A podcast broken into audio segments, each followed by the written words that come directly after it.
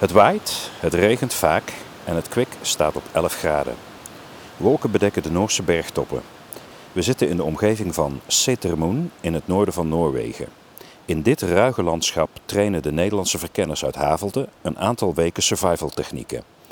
Mijn naam is Remo Fransen en ik neem jullie mee tijdens de oefening Viking Recce. Wachtmeester Wesley, eh, jullie hebben zojuist water gezuiverd en een vuurtje gemaakt. Ja. Bent beneden aan het water, aan het meer begonnen. Ehm, hoe gaat het in zijn werk water zuiveren? Nou, we hebben verschillende methodes om eh, water te zuiveren. Een van de methodes is eh, dat we een, eh, een soort van veldfles hebben met een grof filter en een fijn filter erop. Uh, die zullen we dan ook helemaal volledig eh, vullen. En die gieten we eigenlijk over eh, in onze veldfles.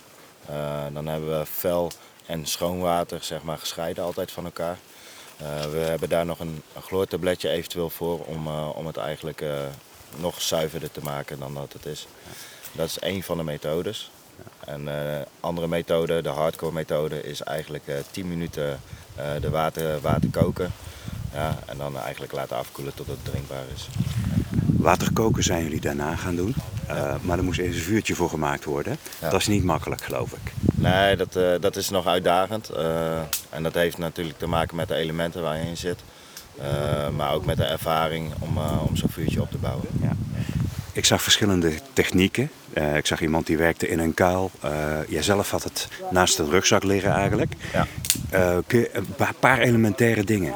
Waar moet je op letten als je een vuurtje maakt? Nou, allereerst eh, ben je natuurlijk afhankelijk zeg maar, van, eh, van de fases eh, hout die je benodigd bent. Dus de locatiekeuze zeg maar, waar je een vuurtje gaat maken. Ehm, nou, de elementen waar je in zit. Ik heb bijvoorbeeld dan net mijn rugzak heb ik naast me geplaatst omdat de wind te veel van die zijde kwam. Nou, daar heb ik dus een aanpassing op moeten doen. Ehm, nou, je moet eigenlijk kijken van oké, ben ik in staat zeg maar, om mijn vuur eh, lang genoeg aan te houden. Anders heb je je voorbereiding niet in de hand. Nou, eigenlijk moet je zorgen dat je voldoende hout hebt. En in de verschillende fases van klein naar groot. Het heeft geregend natuurlijk de afgelopen dagen. Het is nu weliswaar droog. Ehm, dat betekent ook dat hout op de, op de grond niet te gebruiken is, denk ik.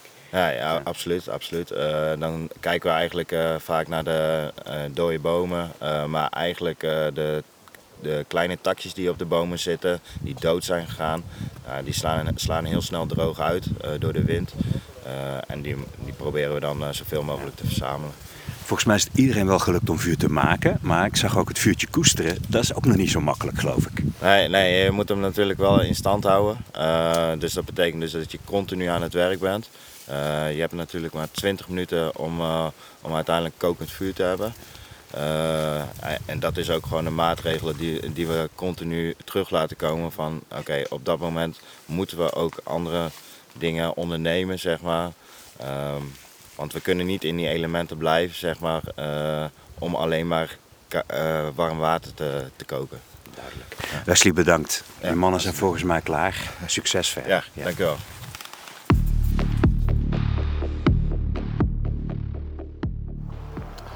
Eh, de eerste dag hebben we heel veel gelopen. Eigenlijk alleen maar gelopen, hoogtes gemaakt.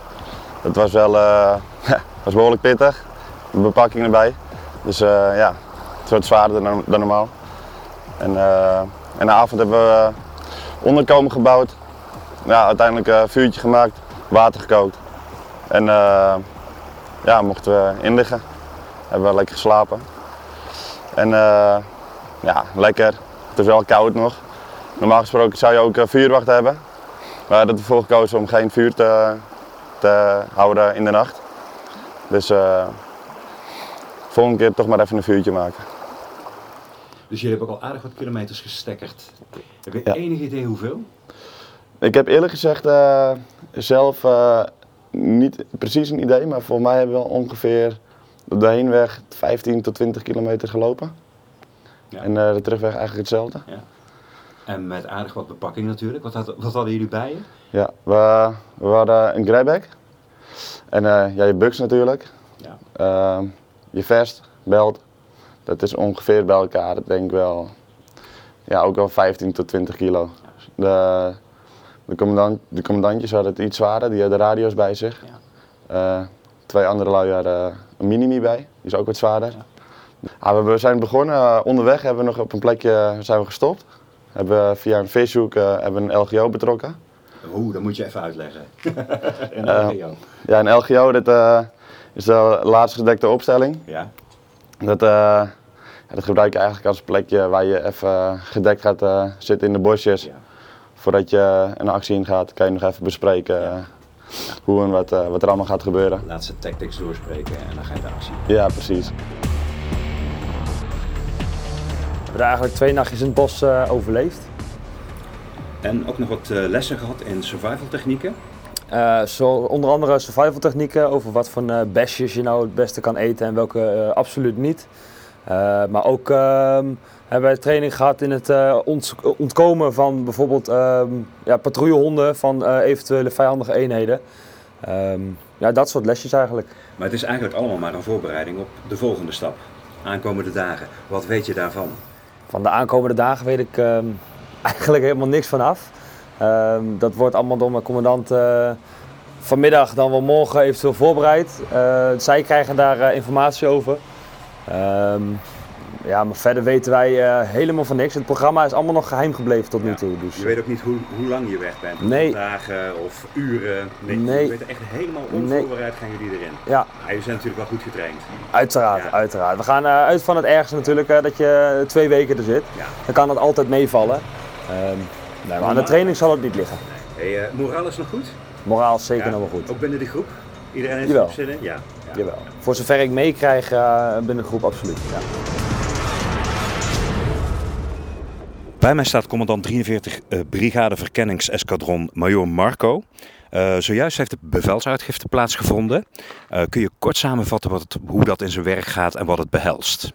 Ja, wat wij eigenlijk doen is, is dat wij een normale bevelschrift doen aan onze pelotonscommandanten, dan groepscommandanten. Dat bestaat in dit geval uit een vijf paragrafen bevel, waarbij we eerst beginnen met een, nou, weer een treinstudie. Dus hoe ziet het weer eruit, welk terrein, in welk terrein opereren we. Daarna gaan we door met een dreiging.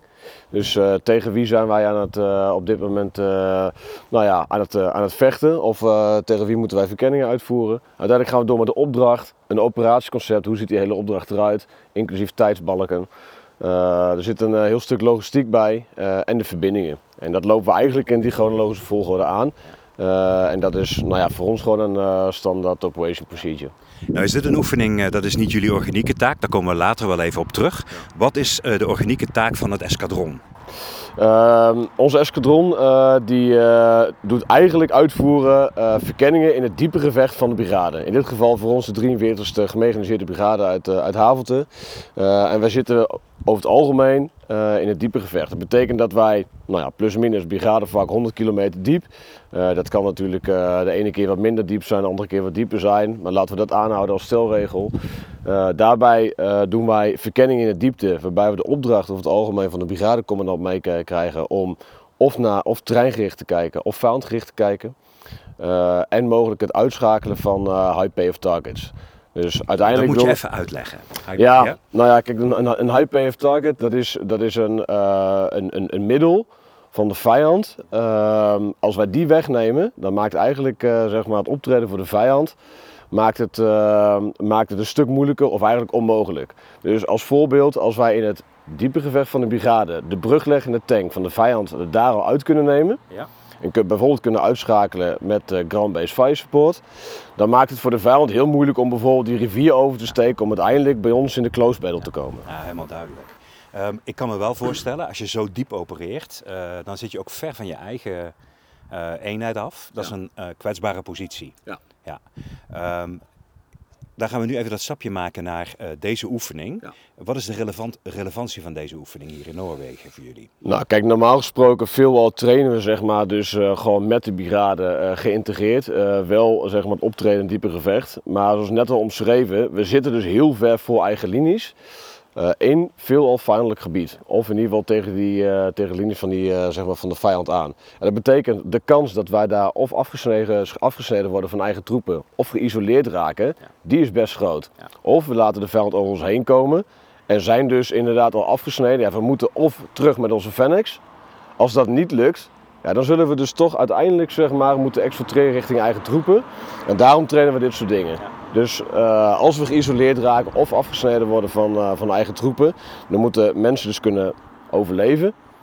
Eh, ze moeten terug kunnen verplaatsen, ze moeten contact kunnen maken met combat search en rescue eenheden. En om uiteindelijk zeg maar, weer veilig bij ons terug te komen in, nou ja, in of het achtergebied van de brigade of uiteindelijk weer in Haverte. Ehm, dan heb je net de bevelsuitgifte gedaan. Ja. Kun je nu achterover gaan leunen de aankomende anderhalve week? Nee, kijk, absoluut niet. Eh, kijk, nu zijn, eh, voor ons is nu eventjes, we hebben de bevelsdriften gedaan. Eh, wat, we nu, wat ze nu aan het doen zijn, die pelotons, die zijn parallel aan het plannen om uiteindelijk morgenavond hier ingezet te worden. Ehm, en zo'n operatie wordt altijd aangestuurd vanuit de escadronstaf. Dus dat betekent dat wij eh, vanaf morgen een eh, commandopost operationeel hebben om alle verbindingen zeg maar, uiteindelijk met de mensen in het voorterrein eh, te houden. Ehm, hun informatie te verwerken tot intel packages. En die uiteindelijk weer over te dragen aan ons hogere niveau. Nou ja, goed, en in deze oefening, uiteindelijk gaat natuurlijk, want ze beginnen initieel met een verkennisopdracht. Gaat het mis, raken ze afgesneden van eigen troepen. En gaat ook zeg maar de hele het eh, escape en evasion gedeelte gaat, eh, gaat in werking gesteld worden. Eigenlijk dus dat hele realistische scenario wat je zojuist beschreef. En dat is inderdaad hier eh, nou ja, de, de, de, de primaire oefendoelstelling. Nou, hoe groot is je eenheid? Wij bestaan organiek uit 104 man. Ja. En dat, dat is dus inclusief, we, ik heb, we, we hebben drie verkennispelotons, eh, een fire support team. Eh, dus die verzorgt over het algemeen de ground-based fire support, maar ook eh, eventueel eh, close air support. Ehm, dan hebben we een logistiek peloton en een, en een staf. Wat onderscheidt eigenlijk een huzaar of een verkenner van, van andere eenheden? Is het een specif- specifieke mens? Ehm, nou, ik zal, ik zal in ieder geval, als u het mij nu zo vraagt, initieel zeggen de zelfstandigheid. Ja. We opereren namelijk met kleine groepjes. Een verkenningsgroep bestaat uit zes man. Nou, zoals ik net al zei, die zes mensen die zitten 100 kilometer eh, in de diepte en die moeten het zelf doen. Ja. Eh, dus dat betekent dus, eh, nou in dit geval, niemand is belangrijker dan het team. Dat is denk ik een, denk ik een mooi gezegde, maar dat, is, dat geldt bij ons echt extreem. Als de chauffeur uitvalt, rijdt de Fennec niet. Als de boordschutter uitvalt, dan, eh, dan is er geen plaatsvervanger. Is er niemand om uit te stijgen om verkenningen te doen en werkt het boordwapen niet. Als de commandant er niet is, dan wordt, er geen, eh, dan, dan wordt het geheel niet aangestuurd, worden er geen plannen gemaakt. Dus iedereen is van elkaar afhankelijk. Eh, kleine teams, veel specialismes. Eh, dat, is, nou ja, goed, dat zou ik eigenlijk zeggen, is dat de zelfstandigheid van de huzaar onderscheidt zich van een, van een nou ja, laat ik zo zeggen, een, een reguliere militair. Eh, Je noemde net de Fennec, dat is een eh, vrij licht en stil verkenningsvoertuig, Ja. hè, vier wielen. Ehm, maken jullie nog gebruik van andere middelen? Zijn jullie ook al aan het kijken naar drones of naar ontwikkelingen op dat gebied? Ja, dat blijven we altijd. eh, nou ja, goed, dat doen andere eenheden ook. Maar we zijn natuurlijk altijd met innovatie bezig. ehm, om ons werk makkelijker te maken. Eh, nou ja, goed, als voorbeeld, waarom zou ik een verkenner vooruitsturen als ik bijvoorbeeld ook iets kan doen met eh, onbemande grondsensoren, met een, eh, met een drone of met andere systemen. Dus dat zit volop in ontwikkeling, maken we ook gebruik van. We hebben verschillende dronesystemen, we hebben, nou ja, we hebben onbemande vliegtuigjes. En dat wordt allemaal geïntegreerd in het optreden. Dus ja, het, het is meer dan alleen eventjes met een fennekje naar voren rijden. Daar uitstappen met een verrekijker naar de vijand turen. Eh, dat was vroeger zo, dat werkte ook prima. Eh, alleen je merkt gewoon zeg maar, dat eh, de wereld om ons heen verandert. En wij moeten mee veranderen. En Ja. dat doen we. Dan die veranderingen inderdaad. Ehm, eh, in de eerste instantie was het natuurlijk vooral expeditionair optreden. Missies in Afghanistan of in Mali of waar dan ook. Eh, de krijgsmacht is wat dat betreft helemaal om en we kijken weer naar de eerste hoofdtaak. Ja. Bescherming van het eh NAVO-grondgebied. Ja. Is daarmee jullie rol of, of, of jullie hele optreden ook aan het veranderen? Nou, wat je zag is dat we de afgelopen jaren, en dan praat ik in ieder geval over de jaren zeg maar, dat wij eh, in het, met counterinsurgency bezig waren, dus in de tijd van Afghanistan, waren we over het algemeen inzetgereed aan het trainen. Ja. Dus om mensen inzetgereed te krijgen voor dat optreden al daar. We deden niet heel veel met die brigade in grotere verbanden. We waren niet bezig met warfighting. Dat zie je dus nu wel weer. De laatste jaren, zeg maar, ons optreden eh, aan zich verandert daar niet heel veel door. Maar de afgelopen jaren eh, hebben wij veel minder echt verkenningswerk gedaan en dat komt nu weer veel meer terug.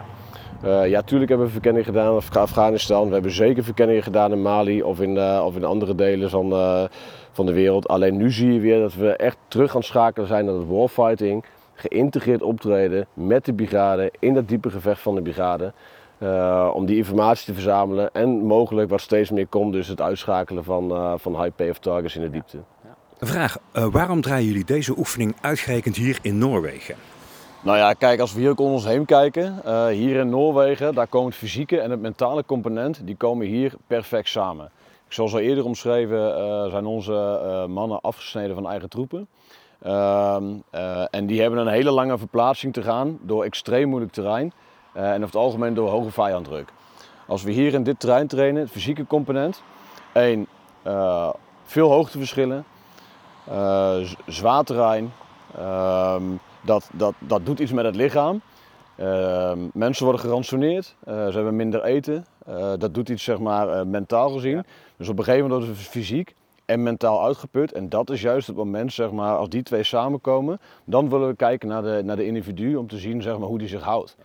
Ja. want we trainen niet altijd op in, zeg maar, op de Duitse laagvlakte ja. of in Nederland. We kunnen ook in dit soort omstandigheden terechtkomen. Of het nou koud is of warm is. Uh, maar hier komt in ieder geval wel alles samen en vandaar dat ik specifiek kiezen voor dit land. Um, een tweede is, uh, er kan hier veel. Uh, daarbij bedoel ik dat we eigenlijk niet alleen nog gebruik maken van oefentreinen, heel veel civiele trainingsgebieden. we kunnen hier vissen, we kunnen hier vaak wild vangen. Dat betekent ook dat ze ook kunnen leven uit de natuur. veel water, dus ze kunnen water uit de natuur halen wat ze zuiveren. Dus al die, al, dat, al die aspecten samen maakt dat we graag willen trainen hier in Noorwegen. Um, en het mooiste eraan is dat niet alleen wij dat doen. Ik heb ook, meer landen gezien. Nou, dat is inderdaad uh, waar. Niet alleen wij dat doen. Als je hier ook uh, kijkt, we, zijn gewoon, we trainen hier samen met de Nooren. Wij als Nederlanders zitten hier, maar ook, ook de Amerikanen, ook de Engelsen, ook onze eigen mariniers. Uh, en dat maakt natuurlijk ook mooi om dat uh, zeg maar gezamenlijk in een uh, multinationale setting ja. in, in dit gebied te trainen. Hey, um, je gaat niet zomaar naar Noorwegen om te oefenen. Ik neem aan dat jullie dat ook een beetje opbouwen met die mannen. En ze niet hier meteen in het diepe gooien. Nee, hier zit inderdaad een heel opleidingstraject aan vooraf. Ehm, wij beginnen in Nederland met lessen. dat is allemaal theorie. Daarna hebben wij gewoon bij ons in Havelte in de, de, nou ja, in de achtertuin hebben wij al die lessen in praktijk gebracht.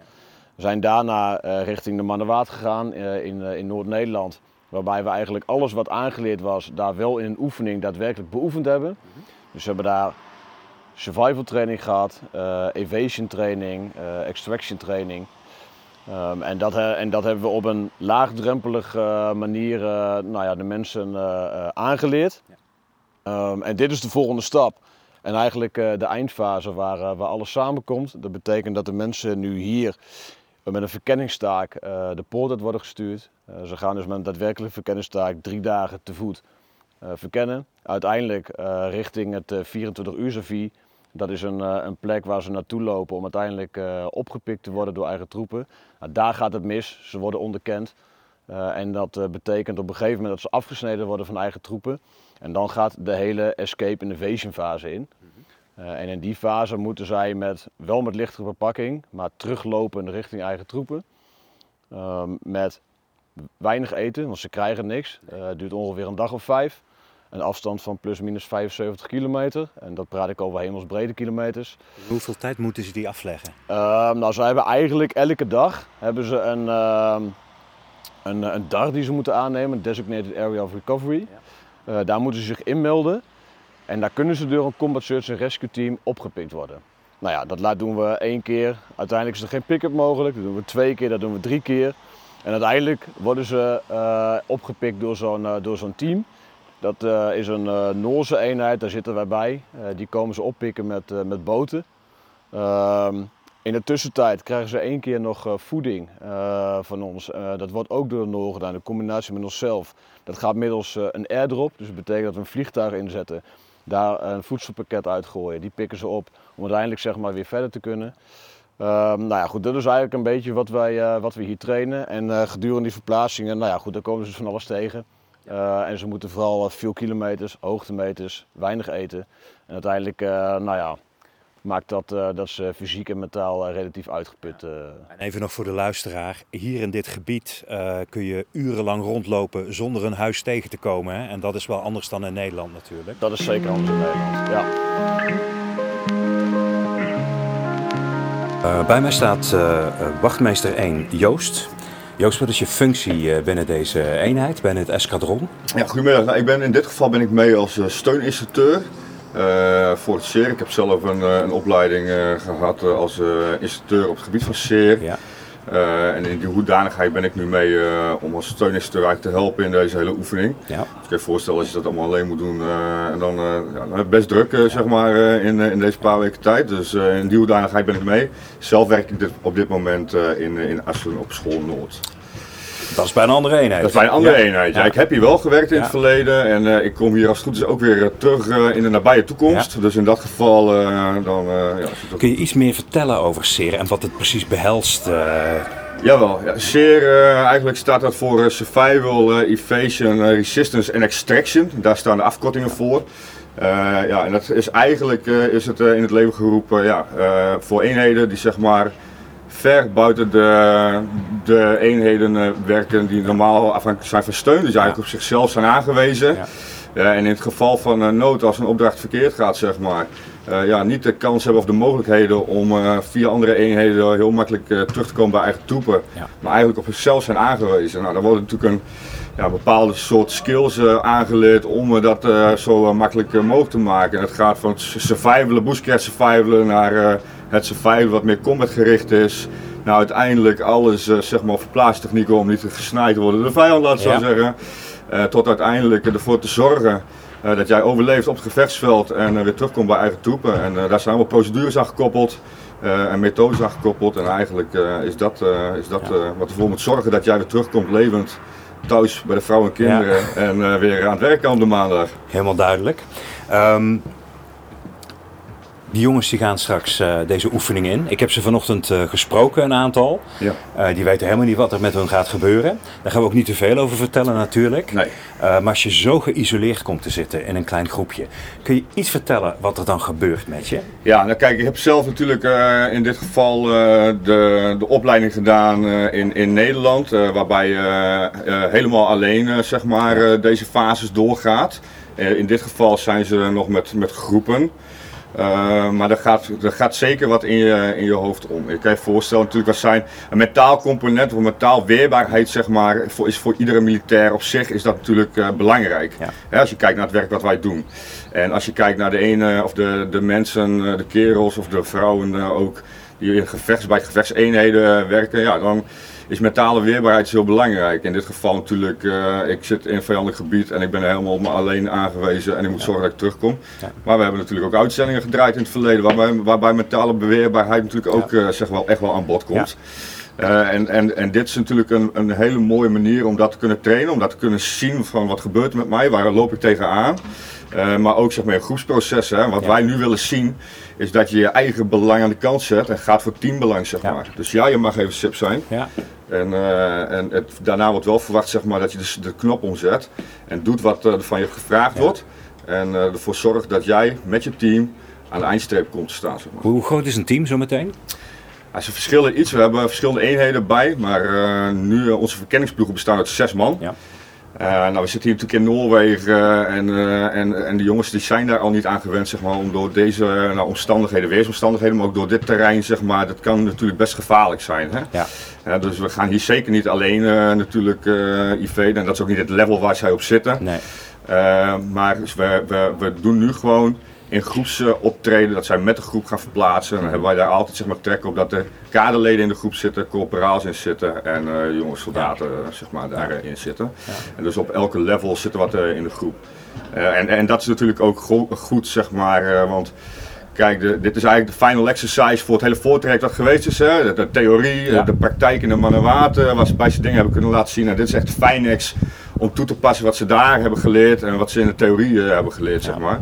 En het is natuurlijk voor de groepscommandanten natuurlijk mooi om te zien van, hey, wat heb ik nou in mijn ploeg zitten en wie, wie kan wel die schakel omzetten en wie moet ik misschien extra begeleiden daarin. En een gedurende proces, maar misschien ook uh, later meteen terug op de base. Uiteindelijk wordt iedereen er beter van dan het team ook. Ja, zeker weten, zeker weten. Als je uh, zo lang van uh, huis aan haard bent, zeg maar, en je zit echt in een gebied, in een ruig landschap, waar je de weg niet kent, met andere klimatologische omstandigheden. Um, hoe ontspan je dan? Want je krijgt heel veel stress, neem ik aan, op een bepaald moment. Ja. Uh, zijn er technieken voor om dan te ontspannen? Ja, dat zijn wel. En natuurlijk, je moet het uiteindelijk ervaren. Hè? Want je kan dit natuurlijk in de theorie, kan je dit allemaal powerpoints voorbij laten komen. Ja. En je moet dit doen en je moet dat doen. Maar het belangrijkste is denk dat je nooit, uh, je moet altijd de wil hebben om uh, te overleven en te winnen. En ja. er zullen omstandigheden voorkomen, situaties voorkomen wat gigantisch stressvol is. Natuurlijk als jij bijvoorbeeld ja, onder vijand, vijanddruk je, je opdracht moet verlaten, dan zit je stresslevel natuurlijk al hoog. Ja. Uh, en dat zal naar beneden pieken op het moment dat jij uh, rust hebt en weet van oké okay, Roger, ik sta precies op de goede locatie waar ik wezen moet en ik heb mijn procedures gedaan, het gaat mooi goed. En vervolgens raak ik mijn eten op. Ja. En uh, weet ik nog niet of ik wel bij de volgende punt word opgepikt. En dat levert er stress op. Alleen weet je, op een gegeven moment moet je dat. je moet vertrouwen hebben in jezelf, ja. in de skills die je zijn aangeleerd in de theorie en in de praktijk, natuurlijk in de manowaat. En als al die skills en de drills en uh, de tools die zijn meegegeven zeg maar, in het voortraject, als je die toepast hier, ja, dan, uh, dan gaat het helemaal goed komen. Rustig blijven en vertrouwen hebben in jezelf en in je materiaal. Ja. Helder blijven nadenken. Helder blijven nadenken, ja. ja. En dat is natuurlijk ook een dingetje wat terugkomt. Hè. Ik bedoel, uh, fysiek zwaar. Klimatologische omstandigheden kunnen hier heel snel veranderen. We hebben nu een beetje mazzel, een beetje rond de 10 graden, maar misschien niet met de juiste kleding, geen slaapzakje. Dat doet iets lichamelijk met je en uiteindelijk gaat dat ook iets geestelijks met je doen. Ja. We zijn natuurlijk gewend aan een bepaald dieet. Hebben we drie dagen geen eten en alleen maar water, dan gebeurt er wel wat in je kopie. Ja. Maar dat is wel de verwachting dat je goed blijft nadenken, dat je procedures goed blijft doen. Ja. Zodat jij er zelf voor zorgt dat je zometeen wordt opgehaald en uh, weer thuis komt. Zeg maar. Bij mij staat uh, wachtmeester 1, uh, Sievert. Uh, Sievert, ik heb je de afgelopen dagen in het veld echt een paar keer zien genieten. Je stond echt te stralen. Wat, wat is precies je functie en je rol binnen de eenheid? Uh, mijn functie en rol binnen de eenheid is dat ik uh, OPC ben van het eerste verkenningspeloton ja. van 43 BV. En daarnaast, uh, zoals alle kaderleden, hebben we een x-aantal specialisaties daarnaast. En die van mij is op het gebied van survival. Dus hoe we daar dingen in wegzetten is dat survival, evasion, resistance en extraction. En dat is een van de taken die uh, ja. in mijn pakket Je hebt de oefening ook uh, samengesteld ja. en uh, georganiseerd als het ware. Ja. Het is niet de hele serie, hè? Nee. nee. Um, maar er zitten wel heel veel elementen van in. Ja, zeker. Wat wij trainen is survival evasion. resistance is een dat is meer weerstand bieden aan ondervragingstechnieken. Dat ligt niet bij mij, dat ligt als echt bij de school. en de extraction, zeg maar, daarin geef ik de lessen, zeg maar, bied ik uh, mijn ervaringen aan en ervaringen die ik internationaal heb opgedaan. Ja. En dat uh, willen we dan graag delen met, uh, ja. met onze naastcollega's. de jongens zijn straks in het veld echt een behoorlijke periode helemaal op zichzelf aangewezen, hè? in kleine groepjes weliswaar. Ja. Um, hoe bouw je veiligheid in? Gewoon in, de, in het oefenscenario of in, in de oefening?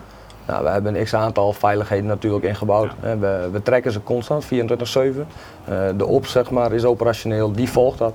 Uh, de groepen worden begeleid door twee instructeurs. Ja. en die houden constant in de gaten van waar zitten ze.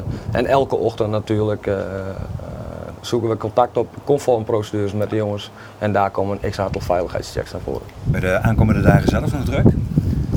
Het wordt uh, langzaamaan minder. Uh, natuurlijk, er zit een hele opbouw in. je kan in Nederland heel veel plannen. We zitten hier internationaal. en wij zoeken een, een goede weg in en om de laatste eindjes aan elkaar te knopen. En ik zie het goed komen. In dit landschap oefenen hier in het noorden van Noorwegen. Het is ruig, het is een toendra, zeg maar. dat is ook heel mooi natuurlijk. Kun je zo'n oefening ook in Nederland draaien? Ja, zeker. Kan ook in Nederland zijn. De aspecten daar is natuurlijk veel meer bebouwd gebied. Uh, veel meer uh, mensen waar je dan uh, tegenaan kan lopen. En, ja, we willen liever natuurlijk niet altijd contact hebben met, met andere mensen, aangezien de opdrachten dat ook niet toelaat. hier heb je natuurlijk de omgeving, de, de, klimatologische omstandigheden ook. En ook voor mij maakt het makkelijker, want ik hoef ze niet altijd te evalueren, maar dan hebben we moeder natuur altijd nog. Veel succes nog deze week en dankjewel. Dankjewel. Dank voor het luisteren naar mijn missie. Je volgt de Landmacht op Twitter, Facebook, YouTube en Instagram. En natuurlijk door je te abonneren op deze podcast. Fijne week en tot de volgende.